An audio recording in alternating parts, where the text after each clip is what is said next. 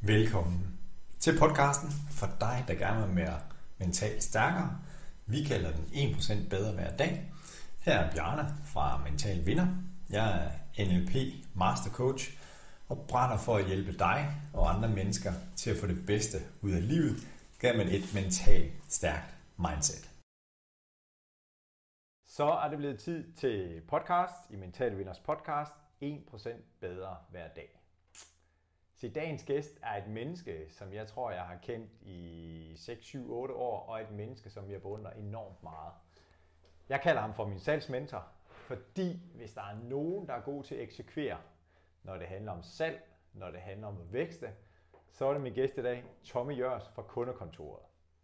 Han er ansvarlig, han er målrettet, han er disciplineret, han er fokuserende, han er optimistisk, han er charmerende. Simpelthen bare en, som jeg måtte have med her i studiet for at inspirere jer, der lytter med derude. Så Tommy, en rigtig stor velkomst til dig. Og tak, Tusind fordi, tak. Tak fordi I måtte komme. Det er en fornøjelse. Og Tommy, vi skal jo snakke omkring det her med at være en mental vinder. Og om det bliver i dit specialområde, det håber jeg, at du vil komme med nogle tips til dem, som arbejder med salg og gerne vil sælge ja, noget mere. Gerne. Og vækste. Men også bare sådan i, i livet generelt, fordi ja. at, at du er et almindeligt menneske, og jeg er jo også et almindeligt menneske. Ja. Mm, ja. Så som rent geografisk, hvor, hvor bor du henne i landet? I Væksø, som øh, ligger mellem Ballerup og Stenløs. En skøn lille by, hvor vi er cirka 3.000 mennesker. Ja. Dejlig natur. Ja. Sø. Udsigt. Luft. Og alligevel så er det lynhurtigt lige at komme ind til København. S-toget ja. er lige rundt om hjørnet. Ja. Så det er Sjælland, vi er på. Yes. Jeg bor også selv på Sjælland. Yes. Så det er godt. Og hvad er du egentlig optaget af i dagligdagen, sådan lige for tiden? Hvad, hvad fylder hos dig? Altså nu, øh, nu, nu hvor vi taler sådan mental vinder, mm. og, og det er sådan, så, så umiddelbart så min tanke, det er jo meget på det professionelle, også når vi ja, lidt skal tale salg måske i dag. Ikke? Ja. Så, øh, så må være ærlig at sige, det der fylder rigtig meget, har fyldt meget det sidste halvandet år, det er altså ren og skær overlevelse på grund af alt det her corona og alle de rystelser, det har gjort i erhvervslivet. Ja. For nogen i hvert fald i, hvert, i ja. erhvervslivet, blandt andet sådan en som mig, der driver konsulentvirksomhed. Ja. Så det er noget af det, jeg bruger allermest af min tid på. Yes.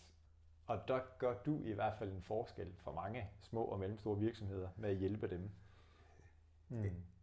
Altså jeg hjælper virksomheder med at få flere kunder, og øh, så kan man sige, at det kan jo egentlig gøres måske på uanede muligheder. Jeg har fundet nogle metoder, nogle værktøjer og nogle systemer, som jeg egentlig hjælper mine, mine kunder med. Ja. Men i og med, at jeg blandt andet har hjulpet meget rådgivende virksomheder, som for eksempel revisorer, jamen corona har gjort, at de har fået så lynhammerne travlt, og så meget at lave, jamen så de har slet ikke tid til at, at tage sig af mig, og det er jeg før været til at hjælpe med. Okay. Så, ja. og, øh, og, og meget af min dagligdag er også at holde fysiske møder, eller online møder for den sags skyld, med andre erhvervsfolk. Ja. Og, øh, og især her øh, sidste år, og måske i vinter, jamen der var det jo meget, man rendte rundt som fluer i en flaske, og havde slet ikke tid til at tænke på salg og hvordan man strukturerede tingene. Ja. Så der kom en masse, der blev, posen blev rystet, kan man sige, så det, yeah. det gjorde i hvert fald, at øh, der skulle tænkes lidt nye tanker. Ja. Den, det, det mentale kom på overarbejde i hvert fald, for at finde nye udveje. og det er jo i hvert fald en af de ting, jeg beundrer hos dig. Altså, det er jo den her med, at du sætter dig jo ikke over i hjørnet og, og tager en tudekiks, eller hvad vi kan kalde det. Altså, der er du jo proaktiv. Og jeg kan huske, vi har snakket om her undervejs i coronakrisen, nedlukningen, den her med at gå fra fysiske møder, som du er verdensmester i, er i hvert fald mit indtryk i, og så til online møder. Hvordan, hvordan kan du ikke dele med, med lytterne, hvordan har det været? Jeg synes, det har været fedt, fordi online møder har før corona været noget, som jeg gjorde meget lidt af. Mm. Men alligevel prøvede at få mine kunder til, sjovt nok, fordi jeg ved jo godt noget af det, den effektivitet, der kan ligge bag. Ja.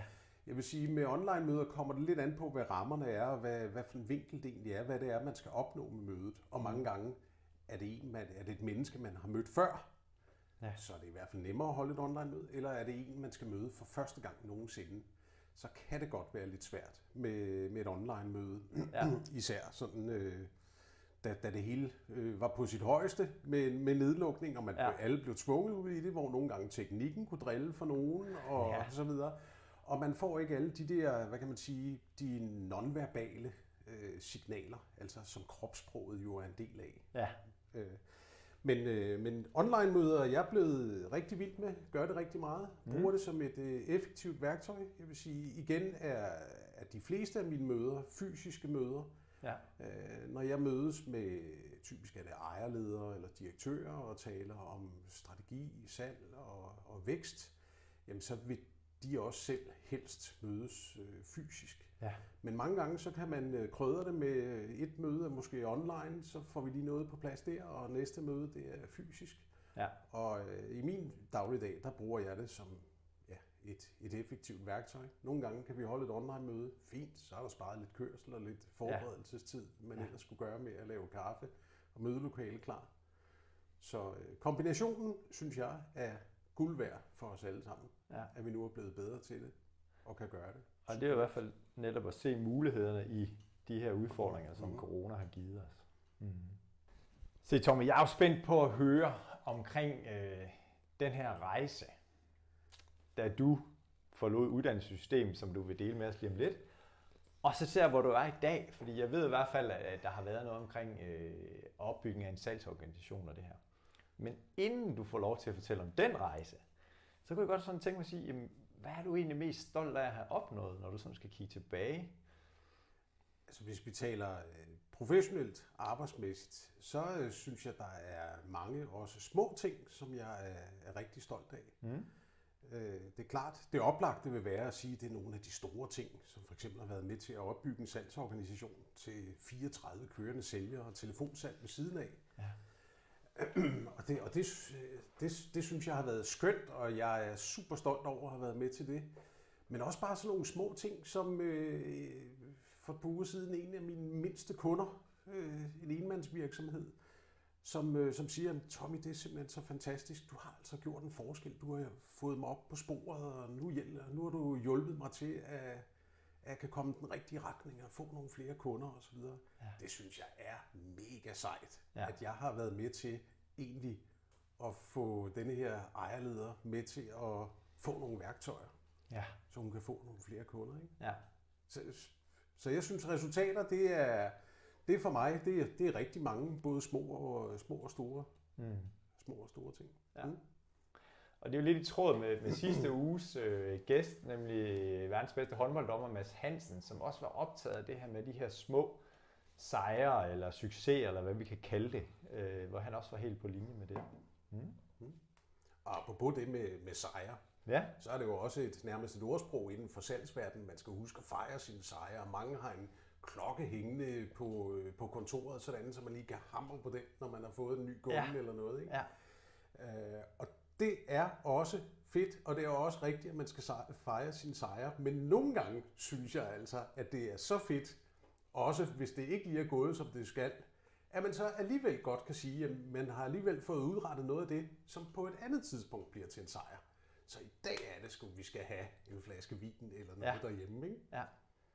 Fedt. Og, og på den måde, det tror jeg bare er et spørgsmål om at twiste tingene. Ja. Og sige, at der skal altså også noget træning og nogle nederlag til, før man får nogle af de der sejre. Ikke? Ja, giver rigtig god mening. Mm. Mm.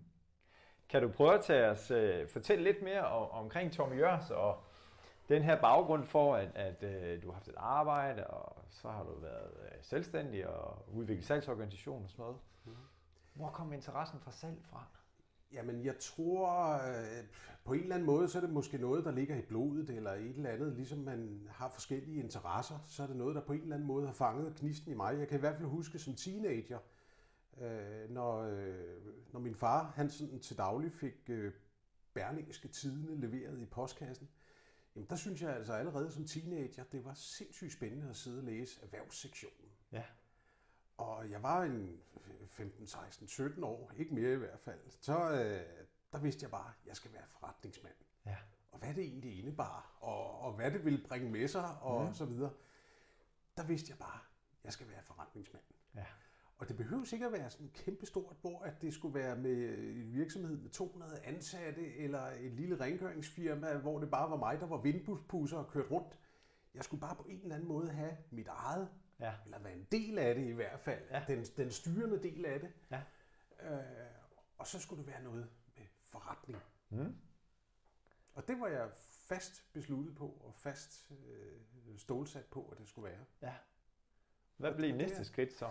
Jamen, øh, så var det jo det var sådan en almindelig knæk, der gik i folkeskolen og videre i gymnasiet. Og, Ja. øh, og, og der, der arbejdede jeg i gymnasiet allerede mere end fuldtid. Så jeg synes, det var meget sjovere at gå på arbejde øh, Ja.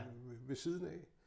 Og øh, det gjorde, at jeg fik ikke altid lavet alle mine lektier. Jeg sprang i hvert fald over, hvor gæret var lavest. Ja. Eller lavede dem om natten, eller et eller andet. Og så øh, nogle af tingene var jeg meget kvik til, så jeg kunne godt øh, læse hurtigt op på det, inden jeg skulle til eksamen, og så alligevel klare mig igennem. Ja. og øh, efter, efter gymnasiet, så var det bankverdenen, jeg kom ind i, så jeg fik et økonomisk fundament. Og der, der, øh, der triggede det mig så meget at have med erhvervet at gøre. Ja. Så lige så snart jeg var uddannet i banken, så sprang jeg ud i det. Jeg ville simpelthen ud i erhvervslivet. Ja.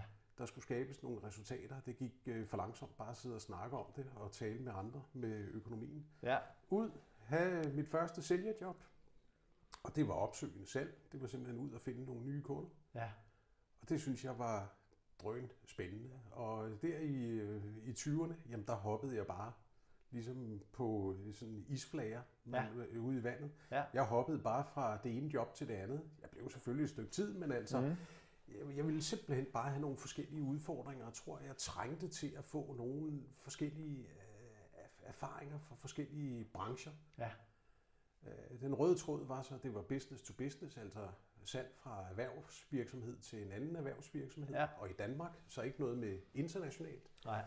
Og, øh, og jeg vidste også, at jeg ville have mit eget, så som ung, så havde jeg min egen virksomhed. Det var øh, rigtig dårlig timing. Vi har lige købt hus og fået vores første barn. Okay. Så startede ja. jeg eget firma. Så det, det lukkede altså ret hurtigt ned igen. Ja. Øh, var i, med i ledergruppen i nogen virksomhed, inden jeg egentlig havde nogen sådan reel ledelseserfaring, men det fik jeg jo så. Ja. Jeg havde ansvar både for køb og salg i, i virksomheden. Og det var noget af det, jeg brugte videre til at, at springe videre, øh, bygge, starte min egen virksomhed Ja. med, med, med hjælp til salgsafdelinger, CRM-systemer og værktøjer til salgsafdelinger. Ja. Øh, Sådan mentale værktøjer, hvis man ja. kan sige, eller i hvert fald, hvordan man strukturerede salgsarbejdet. Mm. Omdrejningspunktet har meget været det her med opsøg nye kunder. Ja. Og det er, det, det er så det, der har, der, der har været det brændende i mig med Mm. mm. ud og, og bygge noget op. Startede egen virksomhed øh, sådan flere gange. Nogle idéer var måske ikke så gode, jamen, så tester man lidt af, så Ja. lukker man det ned, og så, Ja. hvad kan man sige, kører man videre med, med en anden idé. Mm.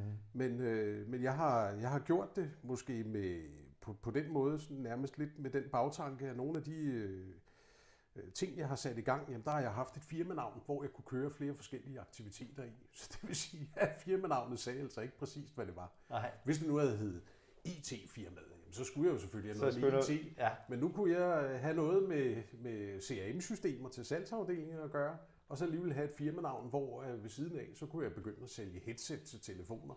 Og fandt Okay. ud af, at det var der mere forretning i, så det, Ja. det kastede jeg mig så over i stedet for. Ikke? Okay. Så jeg kunne ja. beholde firmanavnet, men, øh, men starte andre aktiviteter op. Ja. Og hvad så i dag? Fordi i dag der er du jo øh, direktør, ejer, stifter, eller hvad du kalder dig selv i kundekontoret. Jamen, jeg, jeg brænder meget for at hjælpe andre virksomheder med at få flere kunder og med at, at vækste, selvom det måske er sådan en floskel, det her med vækst. Det kan man jo nærmest pakke, pakke alt ind under. Men jeg, jeg kan godt lide det her med, at man, hvis man er ejerleder og egentlig gerne vil, vil udvikle sin virksomhed, have nogle flere kunder, hvis jeg kan komme med ind og bidrage til det på en eller anden måde. Ja.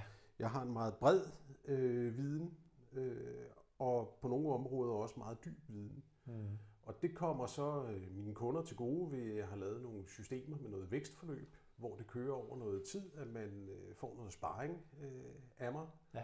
Og, øh, og vi ses flere gange i løbet af året, og nogle ses jeg øh, meget mere, hvor vi har et meget intenst forløb. Og nogle, der er det mere sådan, jeg er en lille smule på sidelinjen, men alligevel er de med under min paraply og har Mhm. glæde af noget af det, som jeg kan bidrage med. Ja. Og der, øh, der giver det rigtig god mening, at jeg kan hjælpe flere forskellige virksomheder. Jeg har i dag omkring øh, 30 virksomheder, som er i vækstforløb hos mig. Ja.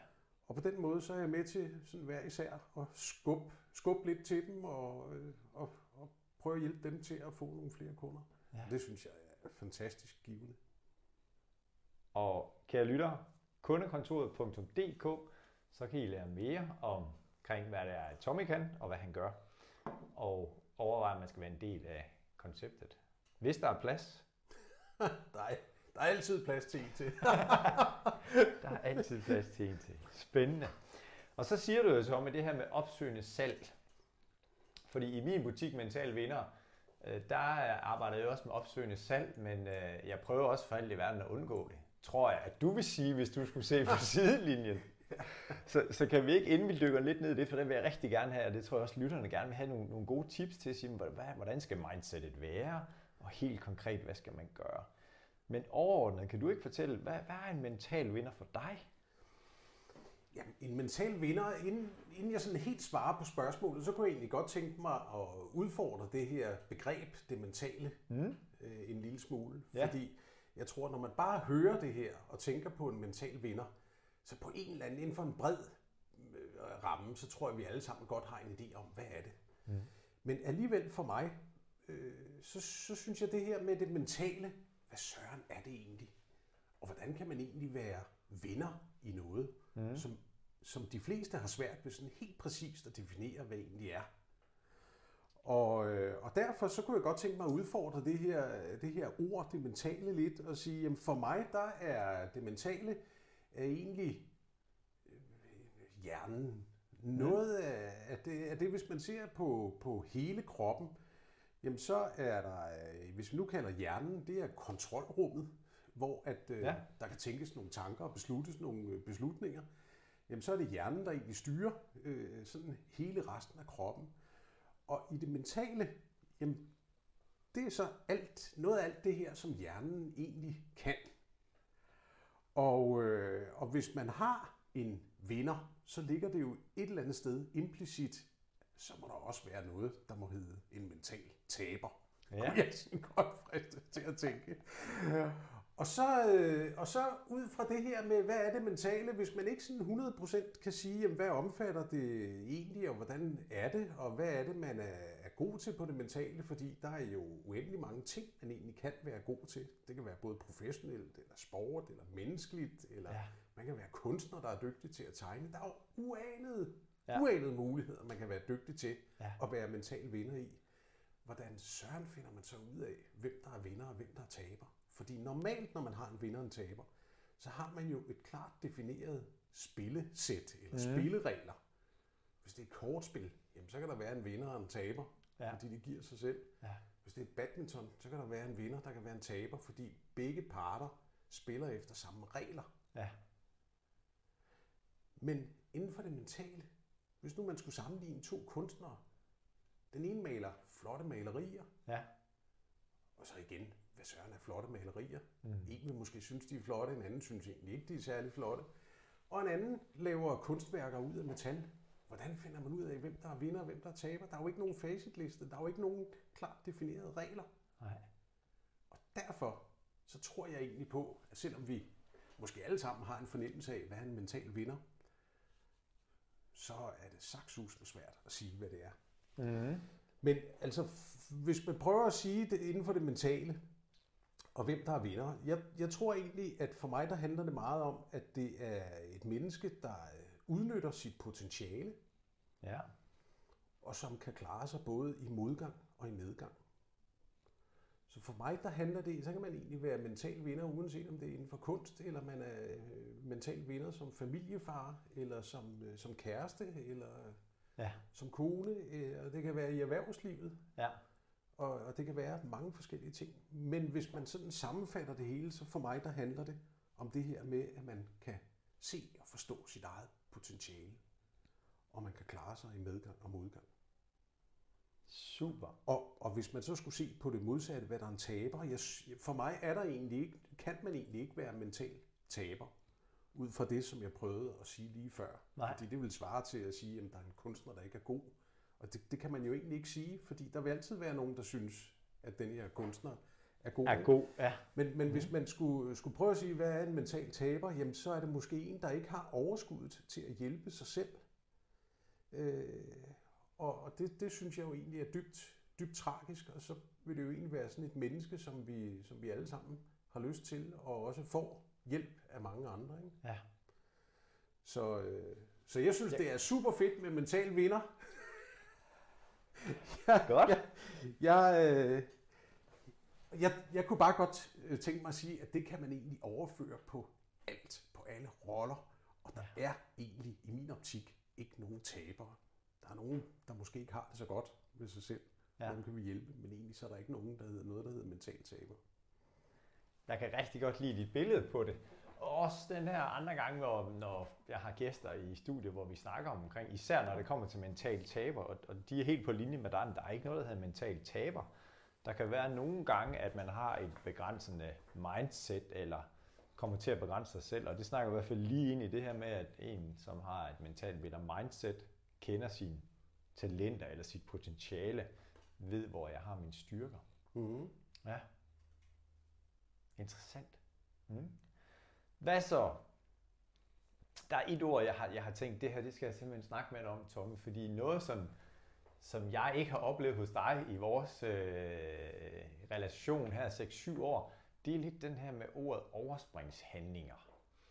Det har jeg lyst til, at, og kan du ikke lige inspireres med det, fordi det jeg kender til dig, nu er jeg jo ikke sammen med dig 24 timer i døgnet, men, men jeg har et billede af i hvert fald, når vi snakker professionelt, at fuld fokus på opgaven, og allerede når du lukker øh, din computer og siger tak for i dag, så ved du allerede, hvad du skal lave i morgen, eller ja. vi snakkede også om ja. her i foråret. Ja.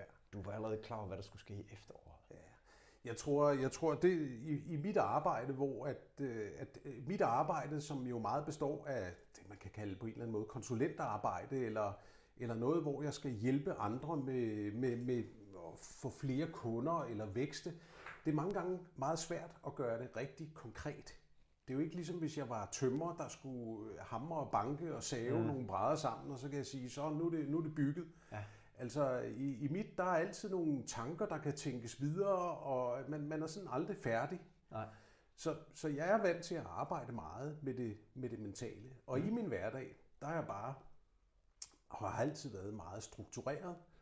Så, øh, så jeg er vant til det her med at, at starte, og dagen starter klokken det, og slutter klokken det. Ja. Og hvis det er en dag, hvor jeg ikke engang har, har nogen øh, møder, nogle kunder, jeg skal møde, eller noget, men skal sidde på kontoret, jamen så er jeg stadigvæk meget struktureret med, hvad tid starter jeg, og hvad tid slutter min dag, hvad ja. er det for nogle opgaver, jeg skal have lavet. Ja. Så det handler meget for mig om at få, få arbejdet mig igennem øh, de ting, der nu skal arbejdes med.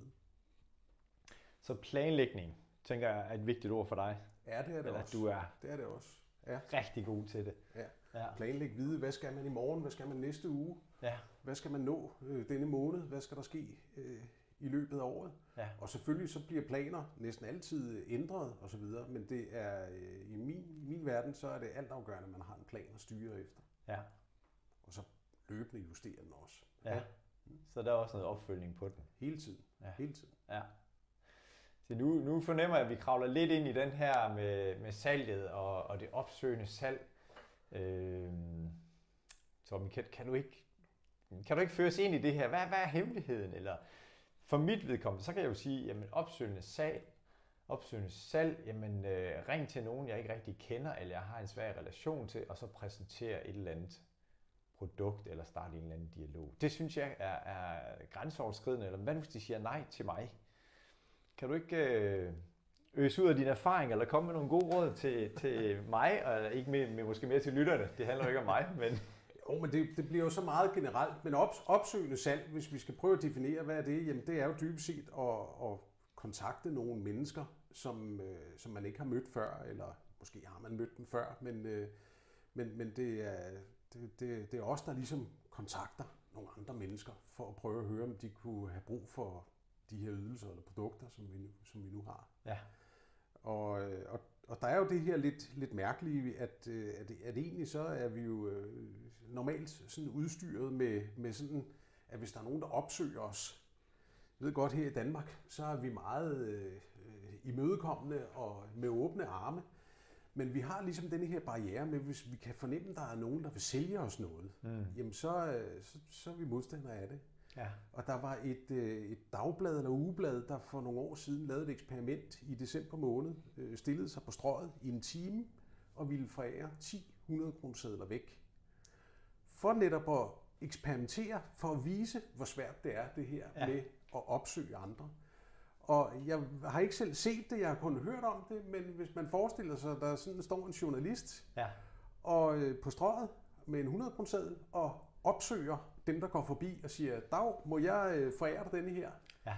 Det lykkedes ikke på en time at forære alle 10 100 kroner væk. Og det viser bare lidt, hvor stor en barriere man har. Ja.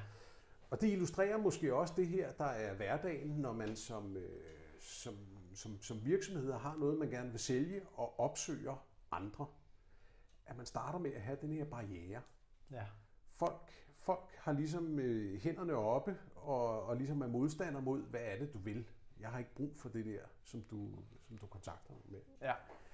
Så man kan sige, det, det handler egentlig om at finde ud af, i opsøgende salg, hvad, hvad er det, man, man har som ydelseprodukt? Hvem er det, der er ens målgruppe? Hvad er det, der skal, hvad er det, man skal have ud over rampen? Hvor meget er det, man skal have solgt? Man er nødt til at lægge en plan for, hvad er det, vi vil? Hvad er markedet for det her produkt? Hvad tror vi på, markedet er og mulighederne? Og lave en plan for, hvem, hvem er det, vi gerne vil opsøge? Altså lave en målgruppe. Mm. Så, øh, så det, det handler om at finde ud af, hvem, hvad er det for nogle, for, en, for nogle målgrupper, og der kan være mange forskellige. Det kan være noget geografisk, eller nogle brancher, man gerne vil, vil tilbyde sine produkter til. Ja. Øh, sæt sig ned og finde ud af, hvad er det for nogle målgrupper, man har. Finde ud af, hvad er det for nogle øh, veje, hvad er det for nogle øh, muligheder, vi har for at komme i kontakt med de her målgrupper. Det kan være lidt forskelligt. Det ene målgruppe kan det måske være, at man kan henvende sig til via LinkedIn. En anden målgruppe, der passer det måske bedre med Facebook. En tredje målgruppe, der er det, der er det bedst, hvis vi simpelthen løfter telefonrøret og ringer til dem. Ja. Det kan være meget forskelligt.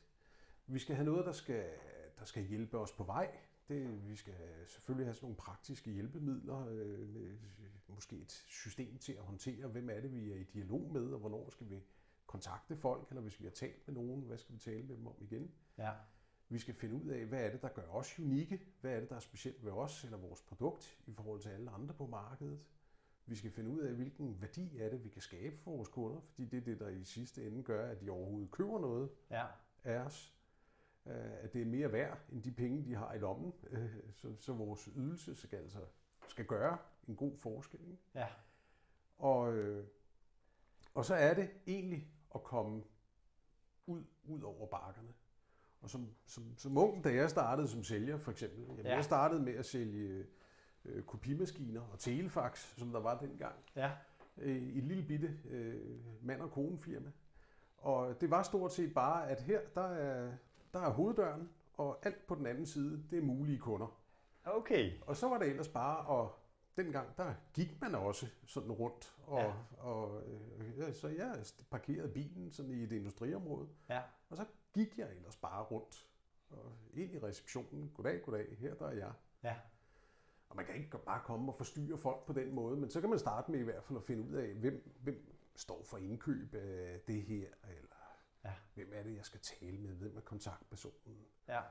Og så får man det at vide, så har man lidt oplysninger. Så når man kommer hjem, så kan man, så kan man ringe til personen og sige, goddag, må jeg gerne øh, have lov at møde dig? Jeg vil gerne præsentere dig for nogle ting. Ja det var, det var sådan lidt og allerede... bredt, bredt omkring, hvordan, hvordan er det lige sådan, man kommer i gang. Og så er der jo sådan en masse lag i det, og hvordan man rent faktisk får solgt, og hvordan man får opsøgt, og så videre, og så videre. Ja. Og allerede nu her, Tommy, fordi nu, nu har jeg hørt nogle af de her ord før, men jeg er absolut ikke hjemme i det, og det er jo også derfor, at, at netop du hjælper virksomheder eller deres sælgere med, med netop at klæde dem på. Og det jeg i hvert fald sidder med lige nu her, det er, jeg tror, der er en, en uh, amerikansk general, som har sagt, manglende forberedelse er en glimrende platform for fiasko. Mm-hmm. Hvor jeg i hvert fald hørt mange af de her ting, du nævner nu, men det handlede om at, at forberede dig til at gå ud af døren. Ja. Sammenlignet med dit første sælgerdom, så var det bare ja. afsted. Ja. ja. Jo, men der, der ligger jo en kæmpe forberedelse i virkeligheden, ja. fordi man er nødt til at have styr på, på rigtig mange ting, og man er nødt til at have styr på, altså være skarp på sine produkter, og ja. hvad er det, de kan, og så videre. Ja. Øh, men, men, men selve kontakten, og hvis man tager som eksempel, altså hvad kan man sige, det, det fysisk opsøgende, altså hvor man for eksempel ringer til andre, ja. Jamen, så kan det være, øh, at øh, jeg, jeg har statistik over alt, hvad, jeg selv har, har arbejdet, også for mine kunder øh, de, de sidste mange år. Ja. Og jeg har eksempler, hvor at, at i nogle brancher, når man ringer ud og, og laver opsøgende salg, og, og formålet egentlig er at prøve at se, kan vi aftale et møde, simpelthen få lov at komme ud og besøge den her virksomhed. Ja. Jamen, hvis man ringer og taler med 100, så får man omkring 6 eller 7 møder, sådan det leje. Så det vil sige, der er altså for hver øh, 100, man ringer til, jamen så ved man altså, at der er 93 øh, stykker, der siger, der siger nej til Ja. det her, man ringer ud og præsenterer. Ja. Og det er klart, det er jo en kæmpe mental barriere for de fleste Ja. at skulle, at skulle ringe ud og få de her nejer. Og, og, og, og, og det er en almindelig, en, en almindelig del af en, en sælgers hverdag, i hvert fald en, der skal, der skal ud og, og have med noget opsøgende salg at gøre. Ja. Det er det her med, at man ringer ud. Man er vant til, at dagligdagen den består af en masse, der siger nej. Når man så kommer ud og holder møde med nogen, præsenterer nogen, så kan det være, at man får nej på stedet. Ja. Igen en masse nejer. Ja. Eller at de skal tænke over det, og så, så får man nej efterfølgende. Ja. Men selvfølgelig er der nogen, der også siger ja. Mm. Og der er det selvfølgelig, yes, så kom ordren, og så kom, så, det var der, man vandt kampen, apropos det med ja. vinder og taber. Ikke? Ja. Men, men det med, i det mentale, eller der ligger rigtig meget mentalt i det her med at, at, at have med salg at gøre i mm. hverdagen. Fordi der er mange, øh, jeg ved ikke, om man kan kalde det fiaskoer, der er i hvert fald mange nejer, som man skal håndtere, det er en del af, af hverdagen. Ja. Og, øh, og jeg har arbejdet med opsøgende salg hele mit voksenliv, og en af de måder, jeg har håndteret det på sådan rent mentalt, det er lige fra, øh, fra, fra starten, jeg var, var ung, at, øh, at jeg vidste simpelthen, hvad er det, jeg skal igennem. Jeg skal igennem en masse nejer, Ja. og, øh, og simpelthen gøre det til en del af, af, af jobbet.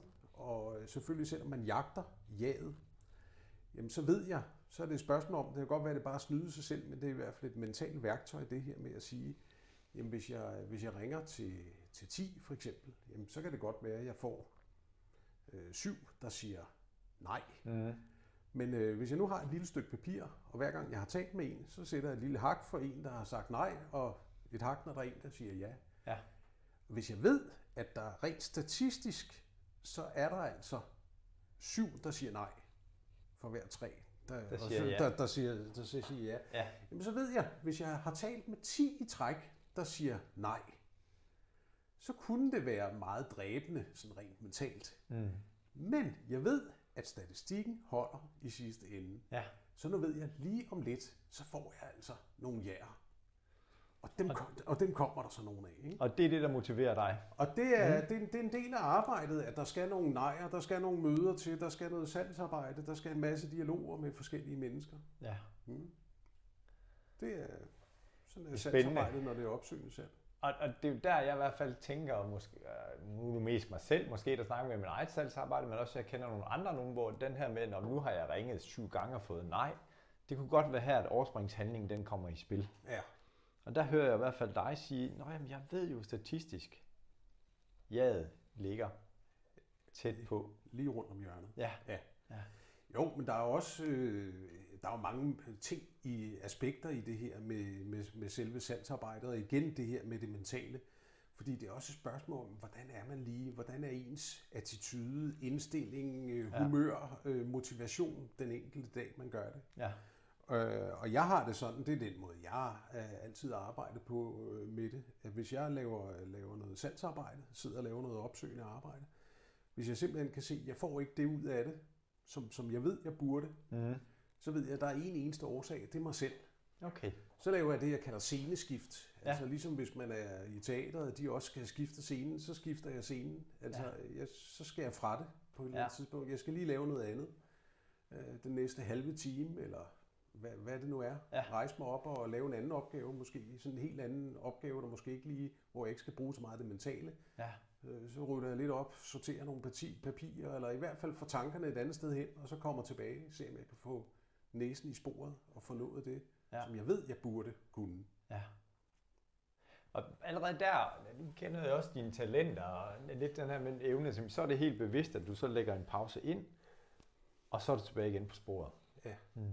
Så er det simpelthen tilbage. Ja. Ja. Og, øh, og, så, og så, men der skal også komme de resultater ud af det. Altså, hvis det for eksempel er, at det er en, en, en, halv dag, hvor jeg sidder og skal, skal, skal ringe ud og, og booke nogle møder. Jeg ja. ved, der skal altså komme det her ud af det. Ja.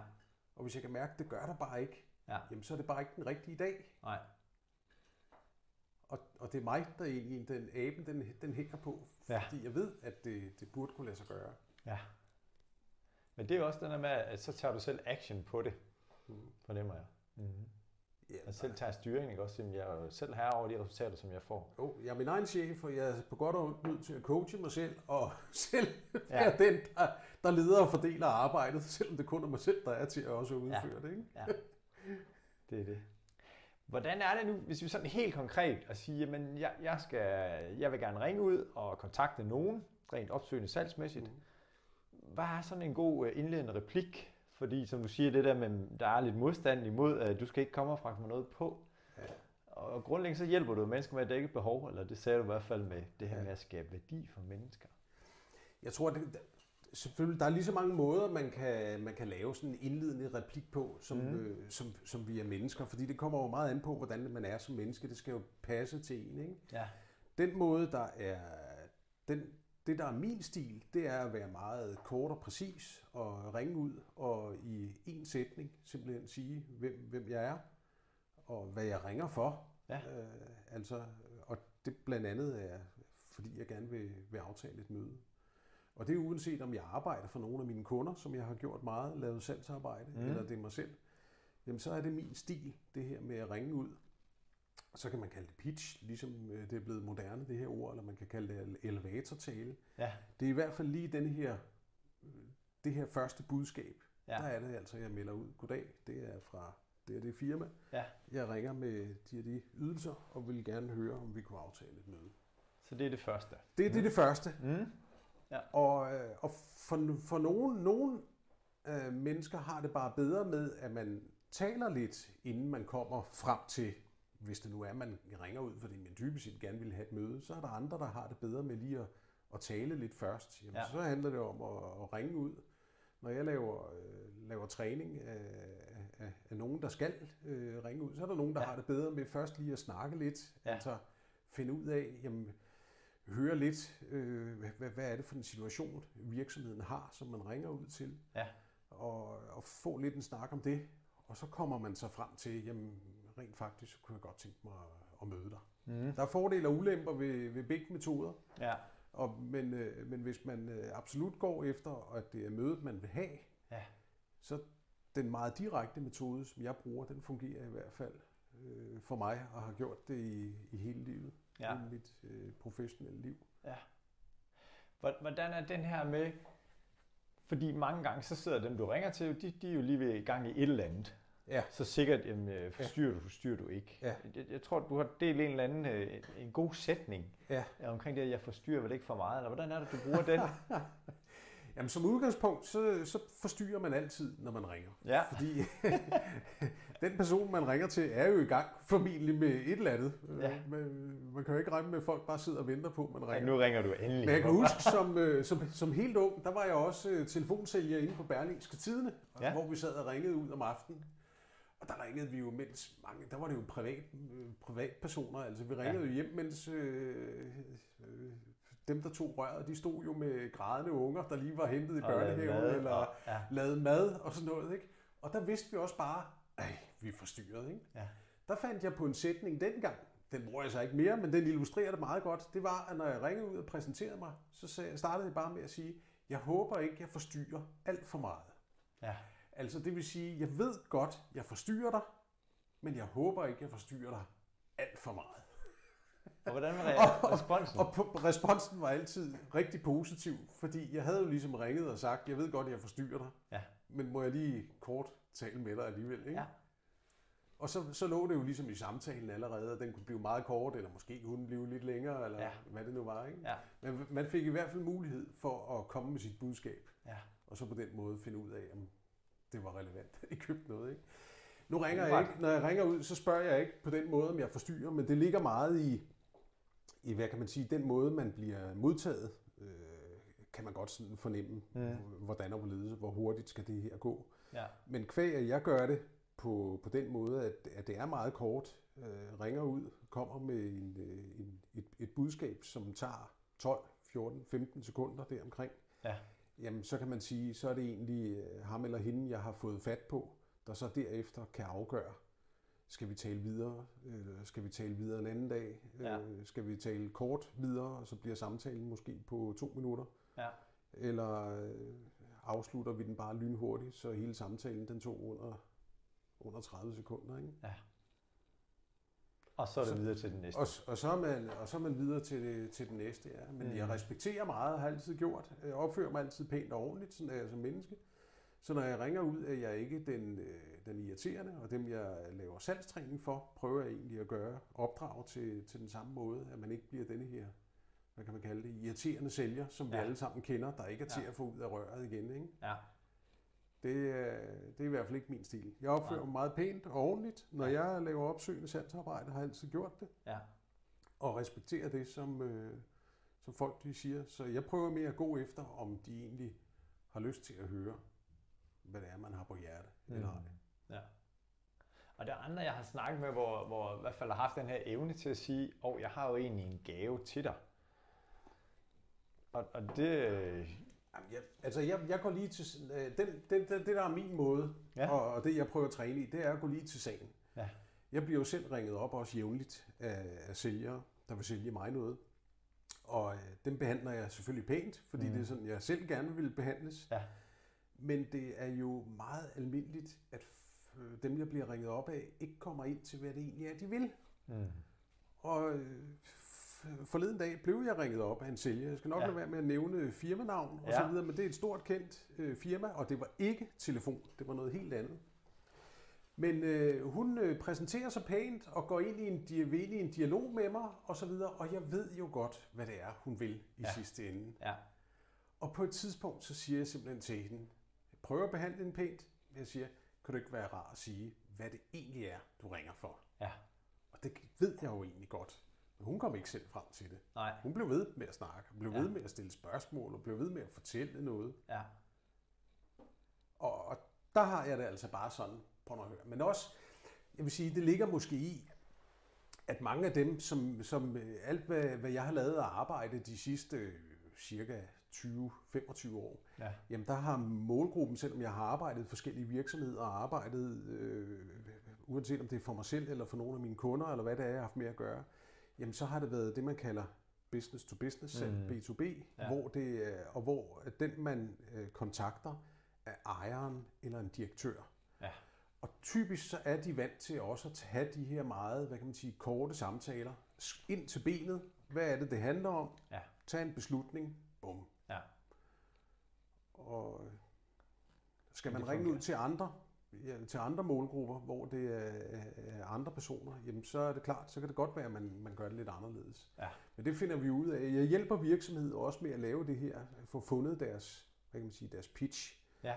eller deres øh, elevatortaler, eller deres historie, sådan Ja. så alle i firmaet egentlig siger det samme omkring Ja. firmaet. Det, Ja. gør det, det gør det lidt nemmere Ja. at have en profil udad til. Øh, men også hvis man skal, skal lave salgsarbejde, at man, øh, at man ved præcis, hvad er det, hvad er det, man vil sige i hvilken situation. Ja. Og i virkeligheden har man brug for mange forskellige pitches, men bare man er meget opmærksom og klar øh, på og klar over, i hvilken sammenhæng bruger man de forskellige.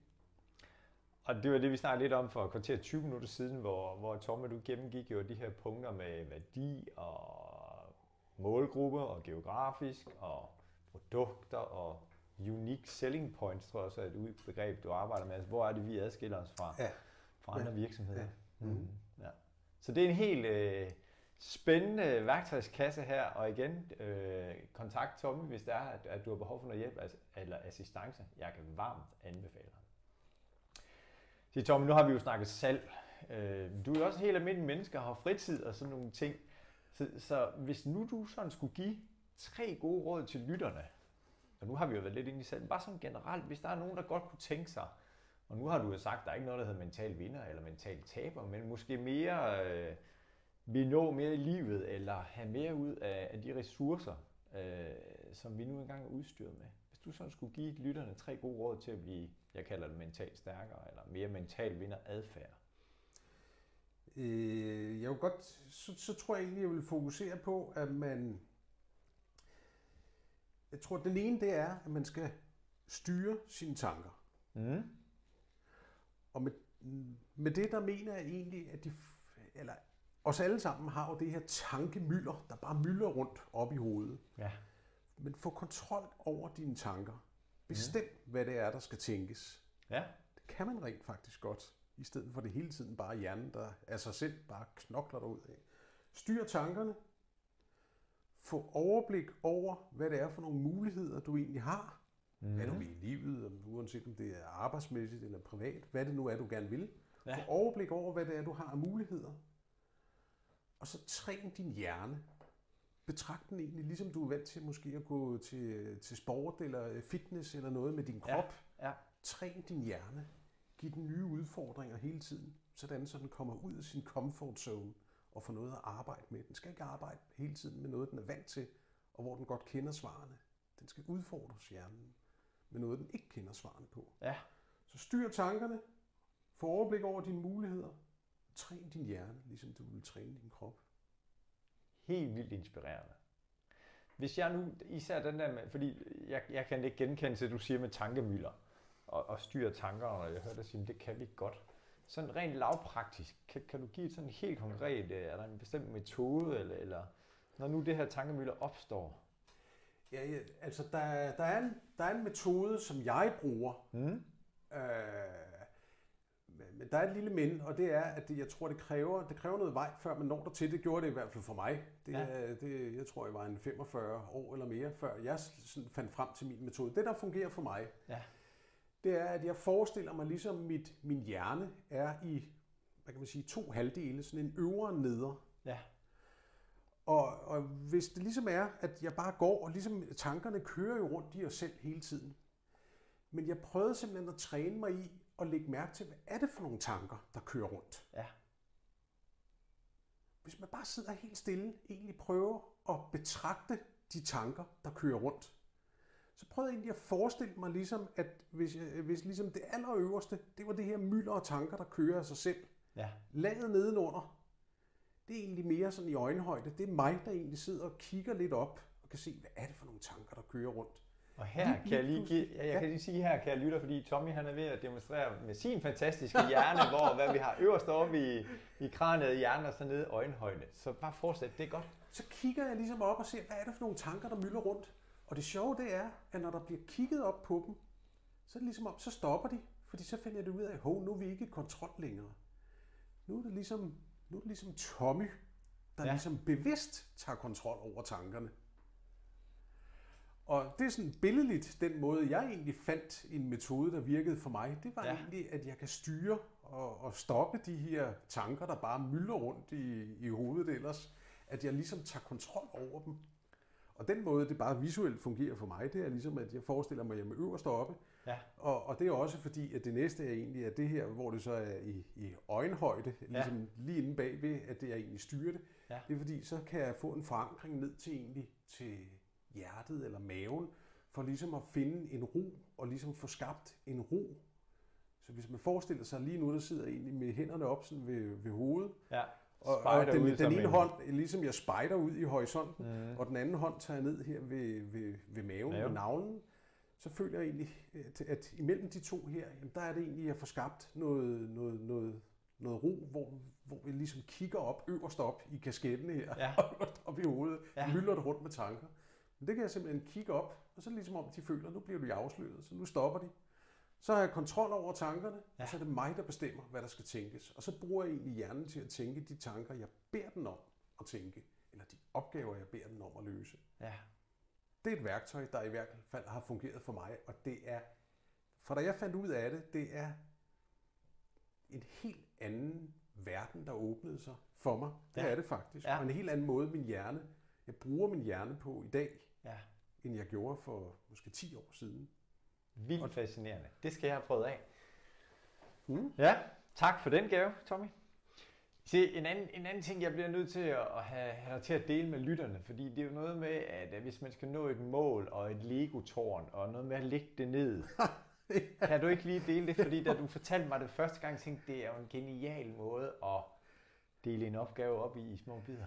Altså, vi har jo alle sammen øh, masser af opgaver, store og små, og jeg arbejder meget struktureret, så jeg har altid haft det med at lave to-do-lister, ja. og lige pludselig så er to-do-listen fyldt, så det er helt uoverskueligt, så laver jeg en ny, mere simpel ja. to-do-liste, og lige pludselig har man så mange opgaver foran, så det bare ligger.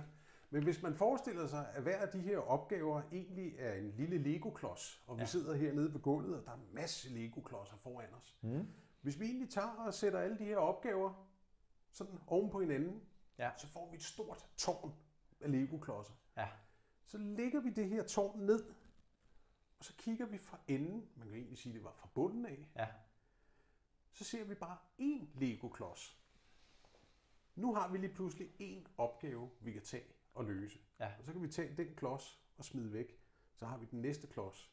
Det er egentlig den næste opgave. Ja. Sådan visuelt ja. forestiller jeg mig i hvert fald meget sådan min to-do-liste. Ja. Måden jeg, jeg bygger tårnet på, det er så, at jeg hele tiden sidder og arbejder med to-do-lister og prioriterer lidt. Ja. Og, og det kan så ændre sig, fordi selvom man har planlagt, hvad man skal lave en måned eller en uge, jamen så er det hele tiden, så sker der nogle ændringer, der kommer noget nyt til. Men så i hvert fald, så har jeg styr på, hvad er det, der er Lego-klodsen lige nu. Og så laver jeg ligesom en, en tidslomme og siger, jamen, fint, hvor lang tid skal jeg bruge på det her? Ja. Og så arbejder jeg målrettet med det. Ja. Og på den måde, så kommer der altså noget fremdrift i tingene. Man får skabt noget fremdrift, noget fokus, man får løst opgaven. Ja. Så på makroniveau eller helikopterniveau har du overblik over, om det er alle de her opgaver, tårnet er så højt her, mm. og så går du ned på den enkelte og siger, nu er det den her opgave, jeg skal løse, og sætter tiden af til det. Ja. ja for mm. så at bruge tiden mest effektivt. Mm.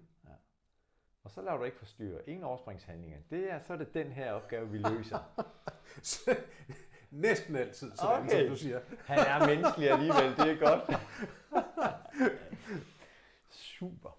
Se, Tommy, det her med, at, at øh, har du altid været mentalt stærk, kunne være et spørgsmål. Det tror jeg, du har været lidt. Men det her med, er der nogle situationer, hvor du føler, du er tilstrækkelig, eller hvor du godt kunne tænke dig at være mentalt stærkere? Altså noget, hvor du stadigvæk sådan er, det er i gang med at udvikle? Jamen, jeg, jeg vil sige, jeg, jeg, jeg synes altid, jeg har været, hvad jeg vil kalde mentalt stærk, mm. men da jeg var yngre, så var det ubevidst. Altså, som ung, man render rundt der, ja, så kan det godt være, at man ser i fjernsynet et eller andet program om hjernen, hvad den kan af fantastiske ting, men ja. det tænker man måske ikke så meget over. Nej. Men jeg tror egentlig langsomt op igennem livet, så fik jeg bare mere og mere, blev mere og mere opmærksom på, hvad, hvad, hvad hjernen egentlig, hvordan den kan styre tankerne, hvordan den kan styre det, man øh, vil opnå, hvordan den kan styre kroppen, og hvordan den egentlig øh, styrer det hele, og hvad for nogle værktøjer og, og ting, der egentlig ligger bag det. Og, øh, og det interesserede mig ikke sådan, så øh, jeg har, jeg har læst nogle bøger om det, øh, mm. men jeg er ikke sådan en typen, der starter på side 1 og læser til, til den sidste side af bogen. Nej. Øh, jeg, jeg bladrer bare sådan lidt, så fanger jeg lidt essensen af det og så videre, og så finder jeg sådan min egen måde og siger, hov, det var sgu smart det der, det kan jeg godt bruge til noget, ja. på, på min måde, på en ja. måde. Og på den måde synes jeg sådan langsomt, jeg har udviklet mig mere og mere og mere. Især det her med for måske ja, snart 10 år siden, med hvordan jeg styrede mine tanker, mm. var et gigantisk vendepunkt for mig, hvor ja. jeg egentlig fandt ud af, hvordan jeg selv kunne kontrollere tankerne, øh, i stedet for det myldrede. Og, og så har jeg sat mig for, at jeg vil, øh, jeg vil udvikle og blive ved med at udvikle og give min hjerne nye opgaver. Selvfølgelig skal den primært fokusere på sådan, øh, mit arbejde og familie og hvad jeg nu ellers har defineret. Men ellers sådan, så løbende, så siger jeg, jamen i løbet af året, der skal der altså nogle nye ting ind, som min hjerne ligesom skal have lov at arbejde med, som den ikke øh, er vant til. For simpelthen at udfordre den, ja. holde den skarp, træne ja. den. Så det er den måde, du gør for at blive endnu mere mentalt stærk, eller også på nye områder. Ja. Mm. Og, og jeg er i hvert fald øh, inspireret, fordi vi har lavet noget arbejde sammen, og, og så kom coronaen, og, og du havde selvfølgelig planlagt, at det skulle ske her og her, og og så ringer du til mig og siger, der er jo lige det her corona, men øh, giv mig lige lidt tid, og så tænker jeg lige over det. Og det illustrerer i hvert fald meget godt din evne til det her med at, jeg vil ikke sige tilpasse sig, men i hvert fald at, at have den her optimistiske tilgang, og den her, jeg skal nok finde en vej øh, til at løse det her. Og det synes jeg, det er i hvert fald noget, jeg bunder hos dig. Den, så finder vi en anden vej, så skal vi nok komme igennem. Mm-hmm. Og det er i hvert fald noget, som du sagde også, øh, en mental vinder, det er en, der rejser sig igen, hvis man er blevet slået ned. Er der noget der, som, som du vil sige til lytterne, udover de her tre gode råd, altså den her, hold dig i gang, hør dig sige, og give dig selv nye udfordringer? Man skal passe på, øh, jeg tror især med alderen, så luller man sig ind i sådan en comfort zone. Mm. Alt afhængig af selvfølgelig, hvad man har for jobs og så videre. Hvis man har haft jobbet i mange, mange år, så, så ved jeg godt, man kan sige, at der er aldrig to dage, der er ens. Nej, selvfølgelig er der ikke det. Mm. Men helt overordnet, så er det nogle af de samme, inden for de samme rammer, at hjernen hver dag skal, lave, skal ved godt mere eller mindre, hvad det er, den skal, skal løse. Ja. Der, jeg tror, det handler meget om at komme ud af sin comfort zone, prøve noget, som man ikke er vant til. Ja. Om det så er at bygge en dobbelt carport, øh, hvis, hvis man aldrig har prøvet det, jamen ja. så skal man altså prøve det. Man skal finde ud af, at der er nogle regler op ved kommunen, og der er noget det ene og det andet, man skal kunne øh, save og hamre og banke, og den skal... Altså, så er det en opgave. Ja. Men hvis man virkelig sætter sig for og betragter det som en opgave, og ligesom ser det ikke bare som noget fysisk, man skal bygge, men også, hvordan søren får jeg min hjerne til at klare alle de der, ja. så udvikler hjernen sig altså. Ja. Og og, og lige sådan tager jeg, i stedet for bare at tage det som en selvfølgelig, selvfølgelig hverdag, med alle de udfordringer, jeg også har, selvom jeg bare driver en lille virksomhed, ja. alle de udfordringer, der også er i det, så nogle gange så kan jeg godt tage og sige, jamen nu tager jeg ligesom denne her opgave, laver det. For eksempel så er jeg ved at starte noget, et koncept med advisory board, øh, hvor der findes advisory board. Der er en masse mennesker, der er uddannelser inden for advisory board. Ja øh, og øh, bestyrelsesarbejde og så videre. Så der, man kan bare google, så kommer der alle mulige måder. Der siger jeg, hvad nu, hvad nu hvis jeg kunne give mig selv den, øh, den opgave at sige, jeg skal prøve at udtænke en anden måde, man kan gøre det der på. Ja. Er der en, øh, er der en mere, øh, findes der en anden måde? Og så simpelthen tænke, altså prøv at tænke helt omvendt og sige, hvordan kan man stadigvæk få noget af det gode, som der er i det advisory board, men kan man gøre det nemmere at finde de personer, der skal med? Kan man øh, gøre det til sådan en pakkeløsning, hvor at, øh, der er nogle temaer? Jeg ved det ikke. Altså, ja. men finde på, finde på et eller andet. Og der ja. giver jeg min hjerne sådan nogle hvad kan man sige, opgaver. Ja. Og så er det ligesom om, den går og pusler med det om i baghovedet. Så nogle gange så sidder jeg struktureret og træder det frem, og lige siger, nu sidder jeg en time og arbejder med det. Ja. Men underbevidstheden, når den ved, at den har fået den opgave, så arbejder underbevidstheden. Det er helt fantastisk, ja. at øh, den, den udvikler selv nogle af, af tingene. Det synes jeg er... Og apropos det, så får jeg altså lyst til at sige, det der med underbevidstheden. Kender du det? Nogle gange, hvis man ser et eller andet i fjernsynet, hvad nu, den der skuespiller hedder, eller ja. hvad var det nu, vi så en film for længe siden, et eller andet. Så kalder jeg det altså, at min hjerne den lige skal ud på fjernlageret og hente det. Jeg kan ja. simpelthen ikke huske det lige meget, hvor meget jeg sidder og tænker mig om. Mm. Jeg kan ikke huske det. Men jeg ved, svaret er derinde et eller andet sted. Jeg skal ja. bare lige ned på lageret, ned, helt ned i kælderen et eller andet sted hen. Ja. Så giver jeg simpelthen min hjerne opgaven. Find lige svaret. Så kan det godt være, der går en time eller to, eller næste dag. Lige pludselig, bum, så, så er det ligesom om, der blev ringet på. Hov, ja. vi har lige svaret. Nu ja. har vi været nede og hente det. Ja. Det er altså ret uhyggeligt. Ja. Tommy, vi er snart ved at komme til vejs ende, og jeg har stadigvæk nogle spørgsmål til dig. Fordi det her med, at, at, øh, at du er mentalt stærk og mentalt vinder, og jeg arbejder med NLP, og vi har jo før haft nogle snakke, hvor du tænker, hvad er det der for noget NLP, mærkeligt, øh, mærke efter inden i mig selv kontra, øh, nu skal jeg ud og eksekvere. Men alligevel så har, så har vi jo snakket omkring det her, når du nu er den bedste udgave af dig selv, jamen, hvad er det så, du egentlig sådan ser for dig, hvad du hører, eller hvad du mærker? Hvis du skulle sætte ord på det. Hvis jeg, hvis jeg prøver at forestille mig sådan en situation, så så er det egentlig ikke så... Normalt så tænker jeg meget visuelt, mm. øh, men, men, øh, men jeg vil mere sige, at det er en, en følelse, hvis det sådan er lige der er i det, i det rigtige, som du siger, hvor det gode sted, ja. så er det egentlig mere sådan en følelse af ro. Jeg vil sige, jeg har sådan en, en fornemmelse af, yes, det er det, det, er det rigtige. Ja. Øh, og øh, så jeg vil mere sige, det er, det er sådan en, yes, det lykkedes-agtigt øh, fornemmelse. Og så selvom jeg både tænker og husker visuelt, så ser jeg ikke lige sådan visuelt et billede. Det er ikke sådan, at jeg ser mig placeret et eller andet sted. Nej. Og heller ikke sådan på en, øh, slet ikke sådan, hvad kan man sige, en, en sejrsgammel eller noget. Det er slet ikke sådan. Nej. Jeg, jeg har det mere bare som sådan en, så er der ro i kroppen. Yes, så lykkedes det. Ja. det jeg satte mig for, det lykkedes. Ja. Jeg gjorde Og det. Og det er uanset om det er stort eller småt. Mm. Så der er, lidt, der er også lidt fejring inde i dig selv på en måde, eller hvad? Ja, jeg kan måske godt fejre det. Øh, jeg kan måske godt fejre det, hvad kan man sige, lidt på forhånd, forstået på den måde, at hvis jeg har skulle udtænke et eller andet, hvor jeg ikke kender, jeg kender ikke løsningen, jeg kender ikke svaret, og sådan Mm. nogle opgaver kan jeg rigtig godt, kan jeg rigtig godt lide, Ja. når det ikke er, at man, man kender svaret. Men hvis jeg kan se, nu har jeg udtænkt planen for, hvordan jeg skal, hvordan jeg skal få det gjort, Ja. så nu ved jeg, nu er det bare, nu er det, nu er det rent arbejde, hvad kan man sige, at komme Ja. det sidste stykke. Ja. Yes, jeg gjorde det. Ja. For eksempel for to måneder siden skulle vi samle et drivhus. Og der er jo masser, millioner af mennesker verden over, der har samlet drivhus. Det er jo bare første gang for mig. Ja. Og jeg er ikke så vant til at kigge i brugervejledningen. Jeg er mere vant til sådan, gør det selv. Men altså, når man får sådan et drivhus leveret, altså, der er stort set ikke to stænger, der er ens, og, de, og om den skal vende op eller ned, eller hvad. Ja.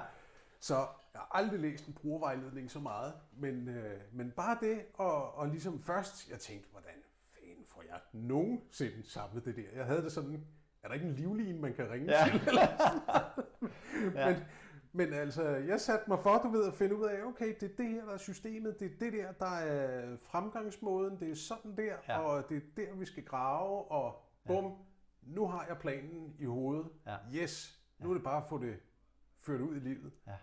Så der, der havde jeg den der ro allerede. Nu har jeg gennemskuddet. Ligesom om man kan sige, nu har jeg gennemskuddet, hvad er det, der skal ske. Ja. Nu er det bare at få det gjort. Og så eksekvere. Yes. Ja. Super. Se, Tomme, hvis du nu skulle give dit yngre jeg et godt råd, hvordan vil rådet så lyde, og hvor gammel er du på det tidspunkt?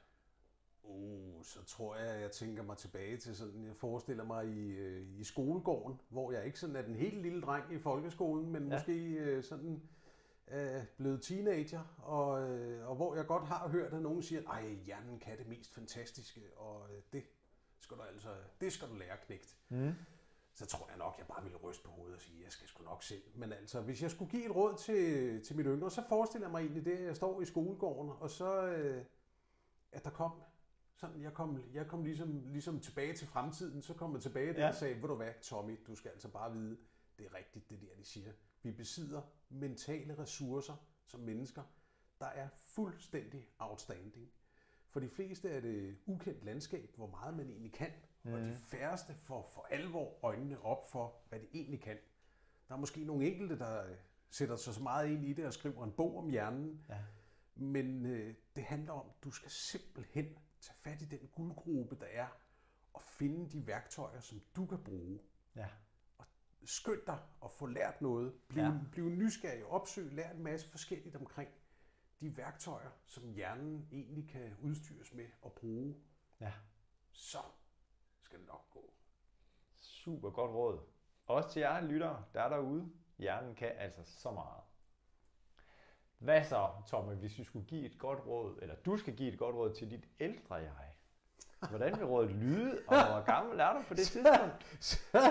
Så, tror jeg, om de næste 20-30 år skal jeg nok holde mig rigtig godt i gang. Så kan det godt være derfra, at jeg begynder at leve mig lidt mere ind i den der comfort zone. Ja, Så der tror jeg egentlig, at jeg er langt ude i fremtiden. Der sidder jeg måske blevet lidt for malig og Ja. ja. så videre.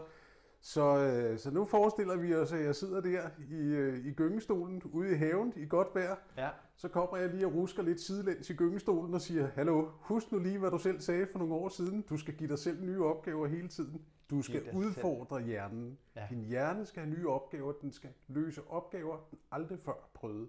Udtænke noget, den ikke før har prøvet. Det er sådan, du masserer hjernen. Det er sådan, den får gymnastik. Det er sådan, den får motion.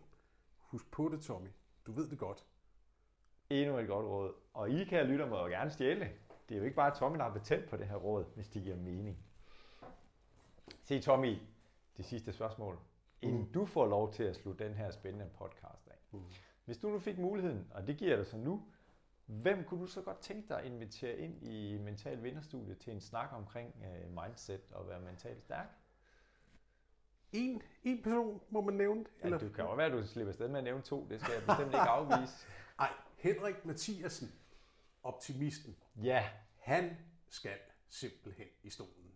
det han, lyder skal, godt. Han skal i stolen.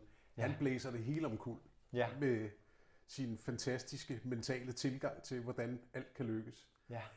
Og så kunne man også overveje Søren Holmgren, Ja. som simpelthen har en vinderindstilling, en mental vinderindstilling, som ja, ingen andre, vil jeg sige. Og Søren Han- Holmgren har et han- synshandicap, er det Han rigtigt? kan ikke se noget, Ja. men det hindrer ham ikke i at tage rundt og simpelthen professionelt har han arbejdet. Han arbejder både som foredragsholder, han har været sælger i IBM, og Ja. han har rejst i USA og så videre. Han har en indstilling, der simpelthen vil få de fleste til at, at sige, wow. Det er noteret. Henrik Mathiasen fra Optimisten og Søren Holmgren. Mm. Tak, Tommy. Ja. Og vi kunne snakke lang tid nu, Tommy. Men det vi er kommet til nu, det er, at jeg vil godt høre, om der er noget, vi ikke har snakket om endnu, og du har en afsluttende bemærkning. Er ikke andet, end jeg vil sige, at det lyder måske som en floskel, men husk, at alt er startet som en tanke. Selv stor virksomhed som Novo Nordisk er engang startet som en lille tanke. Ja. Alt er startet som en tanke. Det er et godt sted at slutte. Tak for, at du vil komme og inspirere og berige både mig og forhåbentlig også vores lyttere. Og Tak, kære, tak fordi jeg måtte komme. Mm. fornøjelsen på min side. Og kære lytter, hvis du synes, den her podcast har været god, så tænk på tre af dine venner, eller kollegaer, eller mulige kunder, hvis du arbejder med B2B, øh, og del den her podcast med Tommy Jørs, så øh, det bliver lidt sjovere, og du kan blive 1% bedre hver dag. På tirsdag gør vi det igen. Indtil da, så husk på, alt er startet med en tanke.